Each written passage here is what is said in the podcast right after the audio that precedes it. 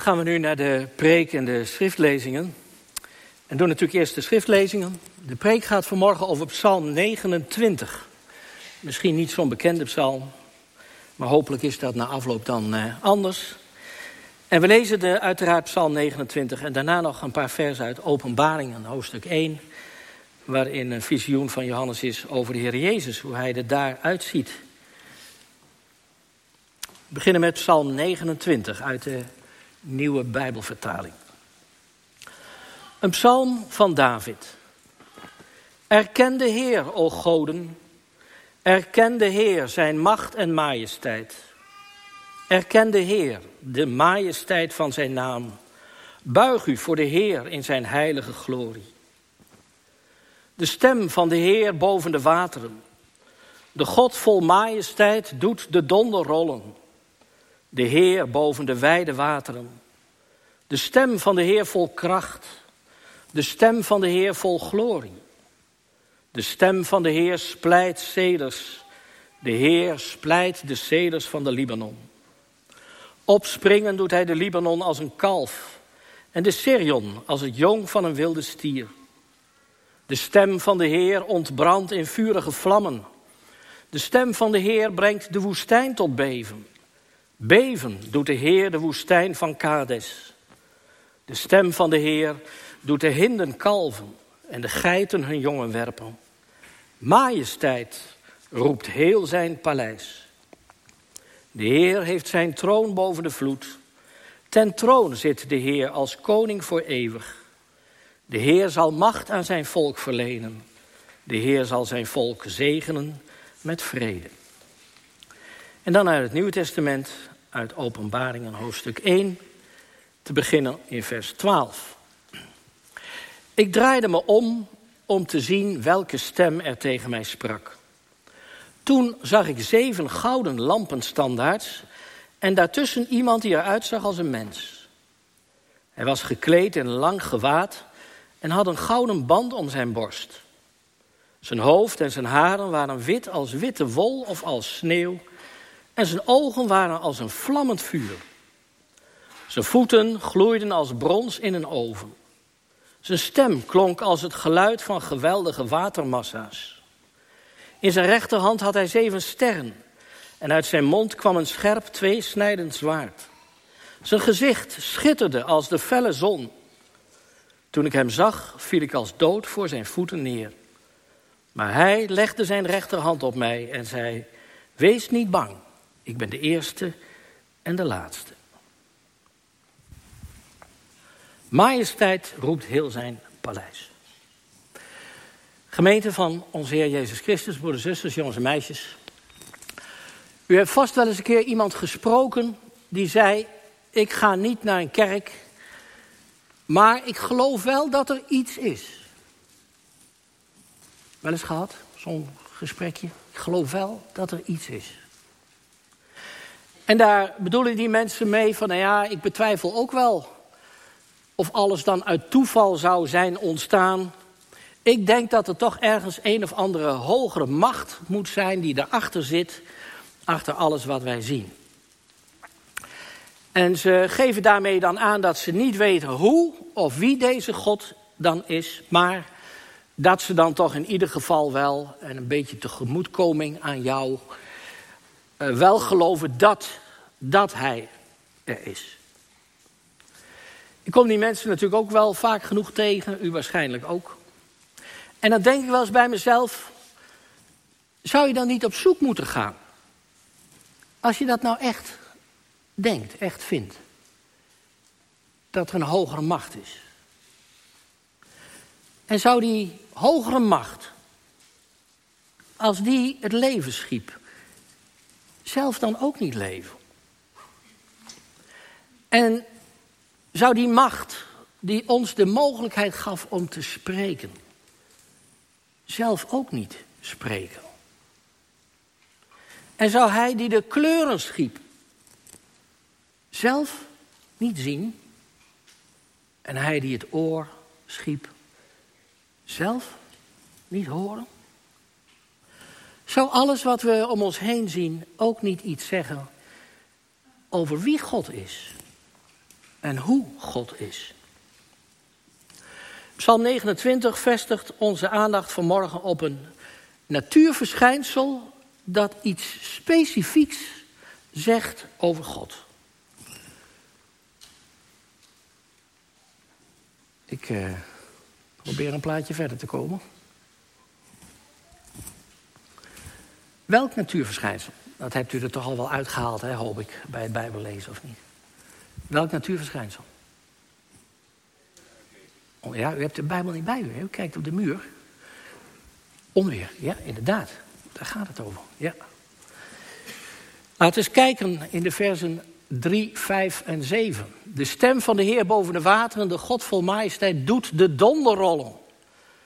Vers 5, de stem van de Heer splijt ceders. De Heer splijt de ceders van de Libanon. Ja, dat kan de bliksem doen, hè? een boom splijten. De stem van de Heer ontbrandt in vurige vlammen. Daar wordt dan uh, de bliksem mee bedoeld. Was bliksem gezien, hè, jongens en meisjes, niet? Aan de hemel zo, check, in één keer een vuurvlam. Het gaat dus over onweer.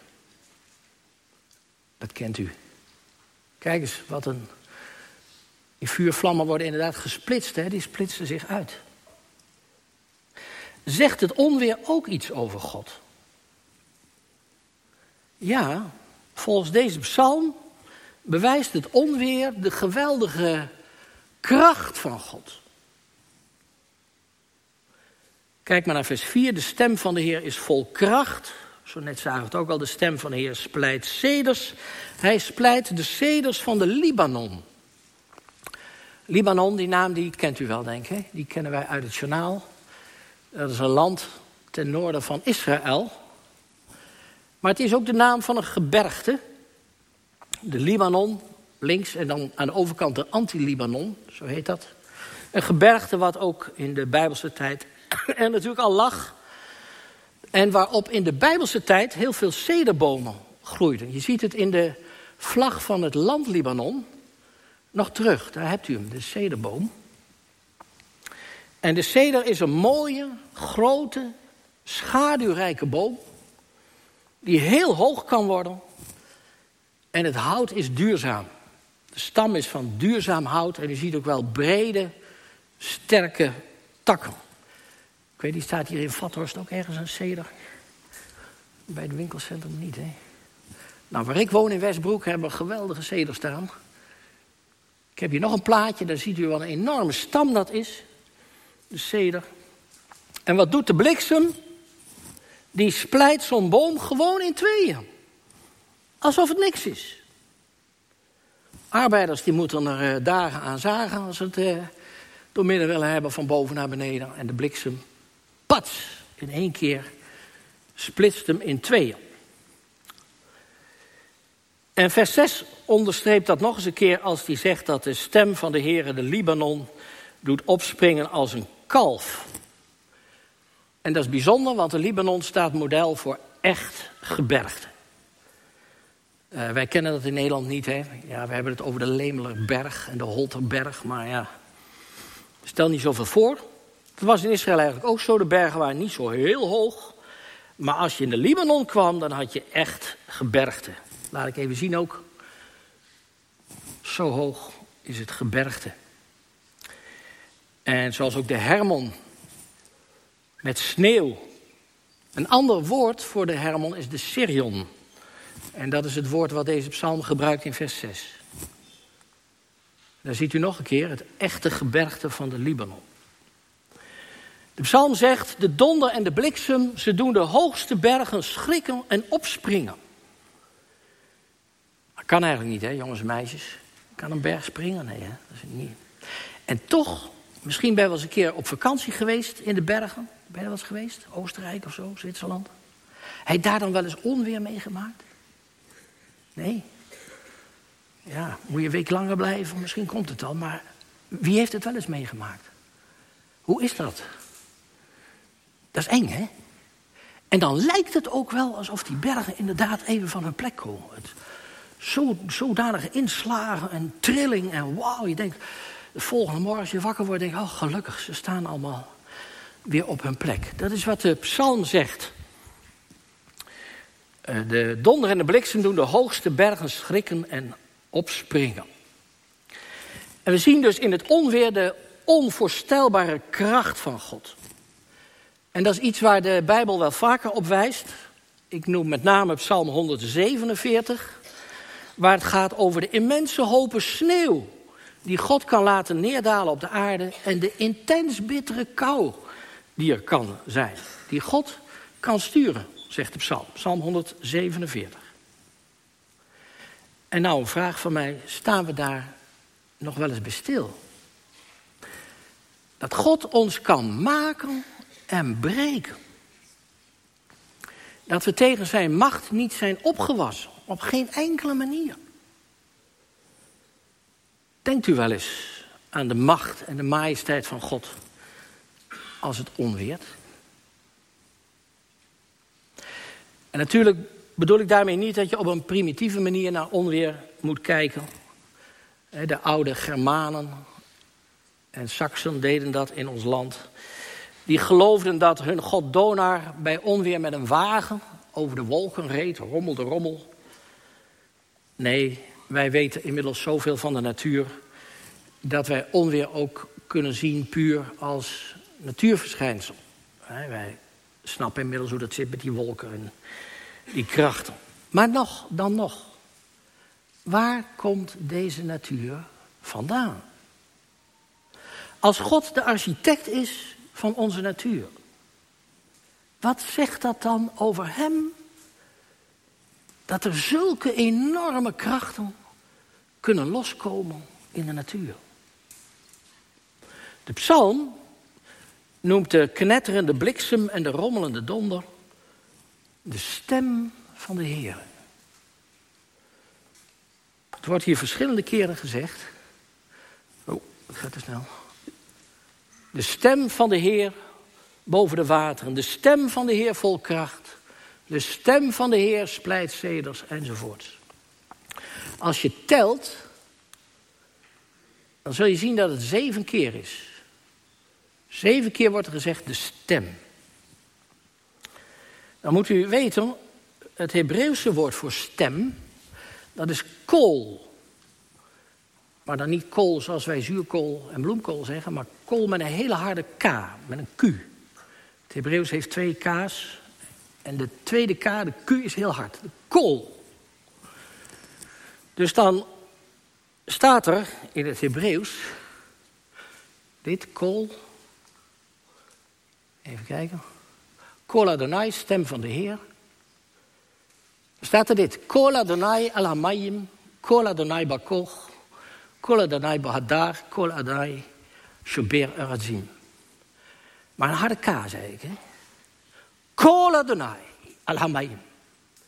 Kol Adonai bakoch. Kol Adonai bahadar. Het is de bedoeling dat u een beetje schrikt, hè? Hoor hier de bliksem, hoort u hem? Kol Adonai bakoch. Kol Bahadar. Kol Adonai Shober. Zeven donderslagen zijn het in deze psalm. De donder rolt door deze psalm, letterlijk en figuurlijk. Het gegrom en het gerondel van de donder blijft de hele psalm door. En dat dat de stem van de Heer is, geeft aan dat die kracht en dat sterke optreden ook in de persoon van God verankerd is. dat komt wel degelijk bij God zelf vandaan. In het Oude Testament komen we dat tegen als God zijn volk uit Egypte heeft geleid. Heel veel moeite voor ze gedaan en de Israëlieten desondanks wantrouwig en opstandig blijken te zijn. En ook overspelig. En dan komt die, die kracht en die toorn van God tevoorschijn. Want God laat dan diezelfde mensen die hij bevrijd had uit Egypte sterven in de woestijn. De woestijn van Kades, die in deze psalm ook genoemd wordt. Ook verderop in het Oude Testament, in de late koningentijd. De mensen denken, ach, het kan nog wel. We geven wat aan de tempel van de Heer, natuurlijk. Maar ik geef ook wat aan de Baal, de vruchtbaarheidsgod van de Kaanieten. We vieren de Sabbat, ochtends zeker, maar ja, ik heb een handeltje. Smiddags toch even wat aan doen. Smiddags stiekem handel drijven. We geven geld aan de armen, dat, dat heeft God zo bepaald. Je moet wat uitdelen, natuurlijk doe ik. Maar op een ander moment, ja, sorry, maar dan had u de regels beter moeten lezen. Buit ik diezelfde armen weer uit. Schaamteloos. En dan is het, net als met onweer, het bouwt op. Het wordt een klamme, benauwende sfeer binnen het volk van God. Is allerlei onverachtigheid onder de mensen. Totdat God zegt, en nou is het afgelopen. Nou breek ik jullie werk en jullie land en jullie steden tot op de grond toe af. Ik roep de Assyriërs en de Babyloniërs, laat ze maar komen. Ze gaan razen over jullie land. En jullie ook nog eens allemaal deporteren. En dat gebeurt dan ook, gemeente. Dat gebeurt. Ze worden weggevoerd. Stad en land worden in de as gelegd. Gods onweer breekt los over zijn volk. Zelfs de tempel wordt verbrand. Staan we daar nog wel eens bij stil? Dat God zijn toorn aankondigde en dat die toorn op een gegeven moment ook echt kwam. Ontbrandde, zoals dat heet. Zijn toorn ontbrandde, zegt de Bijbel. Verbijsterend als de bliksem. Verpletterend als het onweer. Ook zelfs onze Heer Jezus Christus wordt in de Bijbel wel geschetst in beelden, ontleend aan het palet van Psalm 29. Want in Openbaringen 1 ziet Johannes de Heer Jezus Christus in volle glorie. Maar dat is een ontzagwekkende verschijning, zeg. Zijn hoofd en haren wit als sneeuw. Zijn ogen als vuurvlammen. Zijn voeten als gloeiend brons. Zijn gezicht als de felle zon. Zijn stem als het geluid van vele watermassa's. En uit zijn mond een scherp tweesnijdend zwaard. En dat wil zeggen, God heeft het oordeel aan de zoon gegeven, aan Jezus. En de zoon van God zal recht van onrecht scheiden. En Gods toorn zal komen over allen die willens en wetens hem de rug toegekeerd hebben en gekozen hebben voor onrecht. Hoezeer God de wereld ook lief heeft. Want dat mag als een paal boven water staan. God houdt van de wereld. Hoezeer Jezus ook alles heeft gegeven. Hij zal toch nooit het onrecht laten zegevieren. Er komt een dag en dan is Gods geduld over het onrecht op deze wereld op. Ik denk dat heel veel mensen opgehouden zijn om te geloven in straf en oordeel. Ze denken, nou, Ah, dat doet God vast niet. Straf, oordeel. Ze zeggen bij zichzelf, en dat herkennen we wel, denk ik. Ja, een mens is nou eenmaal niet volmaakt. We zijn toch allemaal even goed of slecht?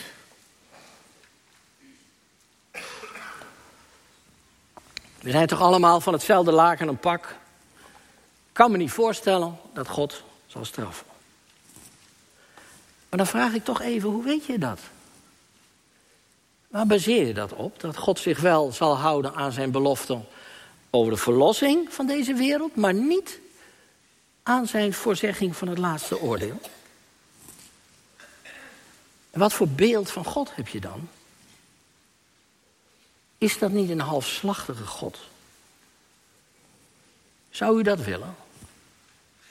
Een God die dreigt met straffen maar als puntje bij paaltje komt, zegt: Ach, laat op maar. Een God die zegt over de weduwe en de wees: Als je met je vingers aan hen komt, dan kom je aan mij. Denk erom dat je de wees en de weduwe niet verdrukt. Maar uiteindelijk alle uitbuiters toch maar laat lopen. Zou u dat willen? Nee, toch? Want dat is het nou juist. God is God. God doet de dingen die hij doet. Nooit half, zoals wij. Nooit. Hij doet ze nooit half. God is altijd compleet, volmaakt, onverwoestbaar, krachtig, indringend, raak. Door mensen niet te stoppen. Krachtdadig, vol. Zowel in zijn woede over onze zonden, als ook in zijn ontferming over onze zwakheid. Daarin is God vol.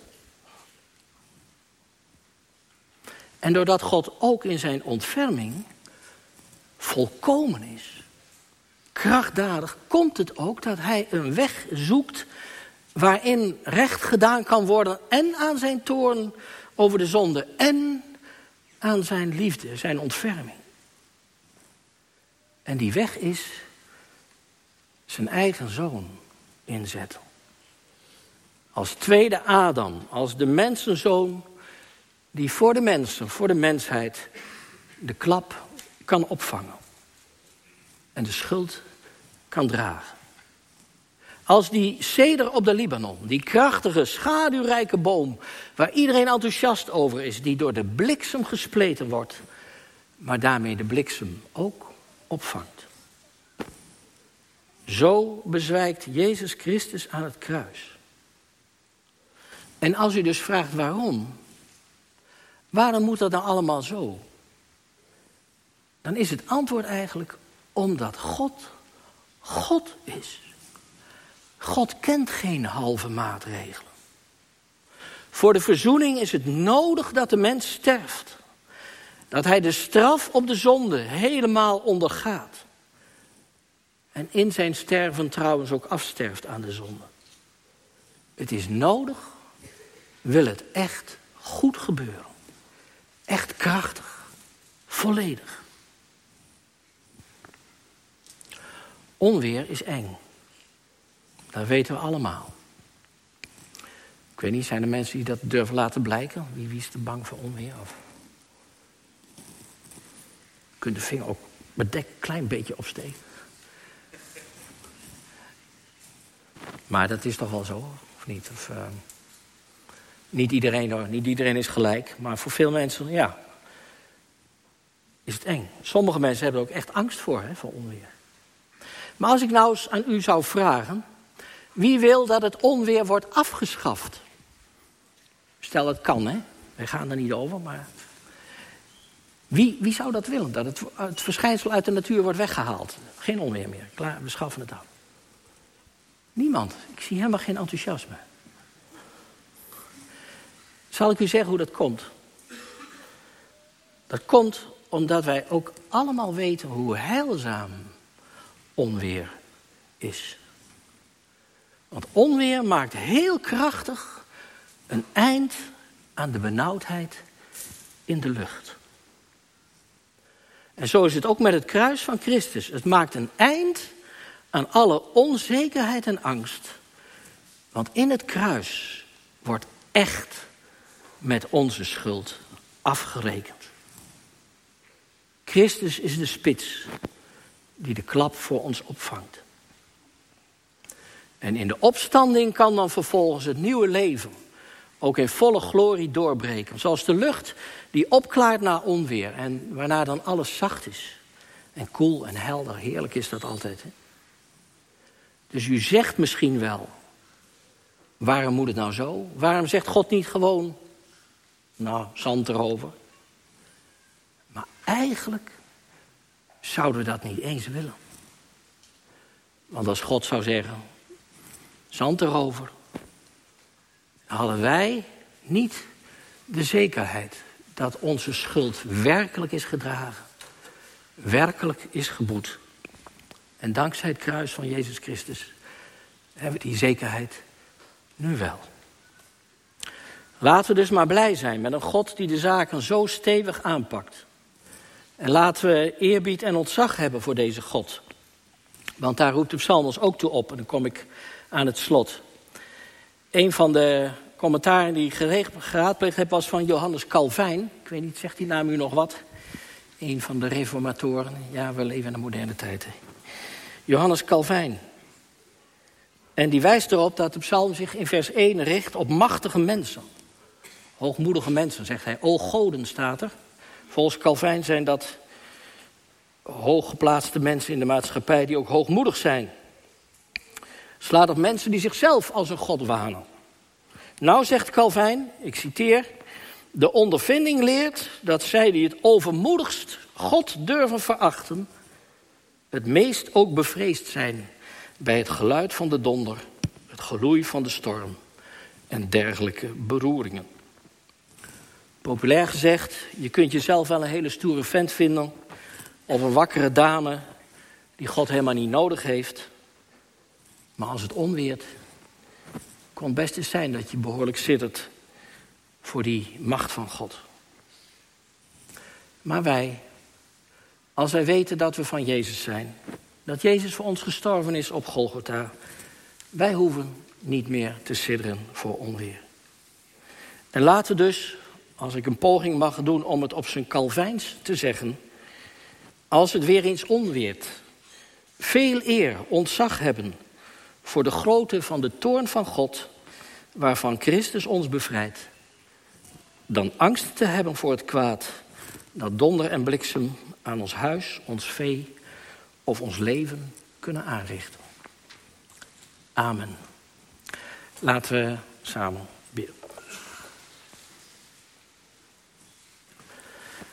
Heere God, Almachtige, eeuwige God en Vader in de hemel. We hebben alle reden om u te loven voor alles wat u geschapen hebt en wat wij tegenkomen in de natuur om ons heen. Hoe onvoorstelbaar rijk en groot en machtig bent u, dat u het allemaal zo hebt kunnen maken. We loven u vanmorgen ook voor het onweer. Dat zijn we eigenlijk niet zo gewend. Maar we loven u omdat we aan onweer merken wat een geweldige kracht u in de schepping gelegd hebt en verborgen hebt. We loven u dat wij die krachten er ook uit mogen halen. Daarom loven u ook om elektriciteit. Het klinkt misschien wat gek, maar wat een fenomeen. Elektriciteit, waarmee wij mensen al zoveel prachtige dingen konden doen.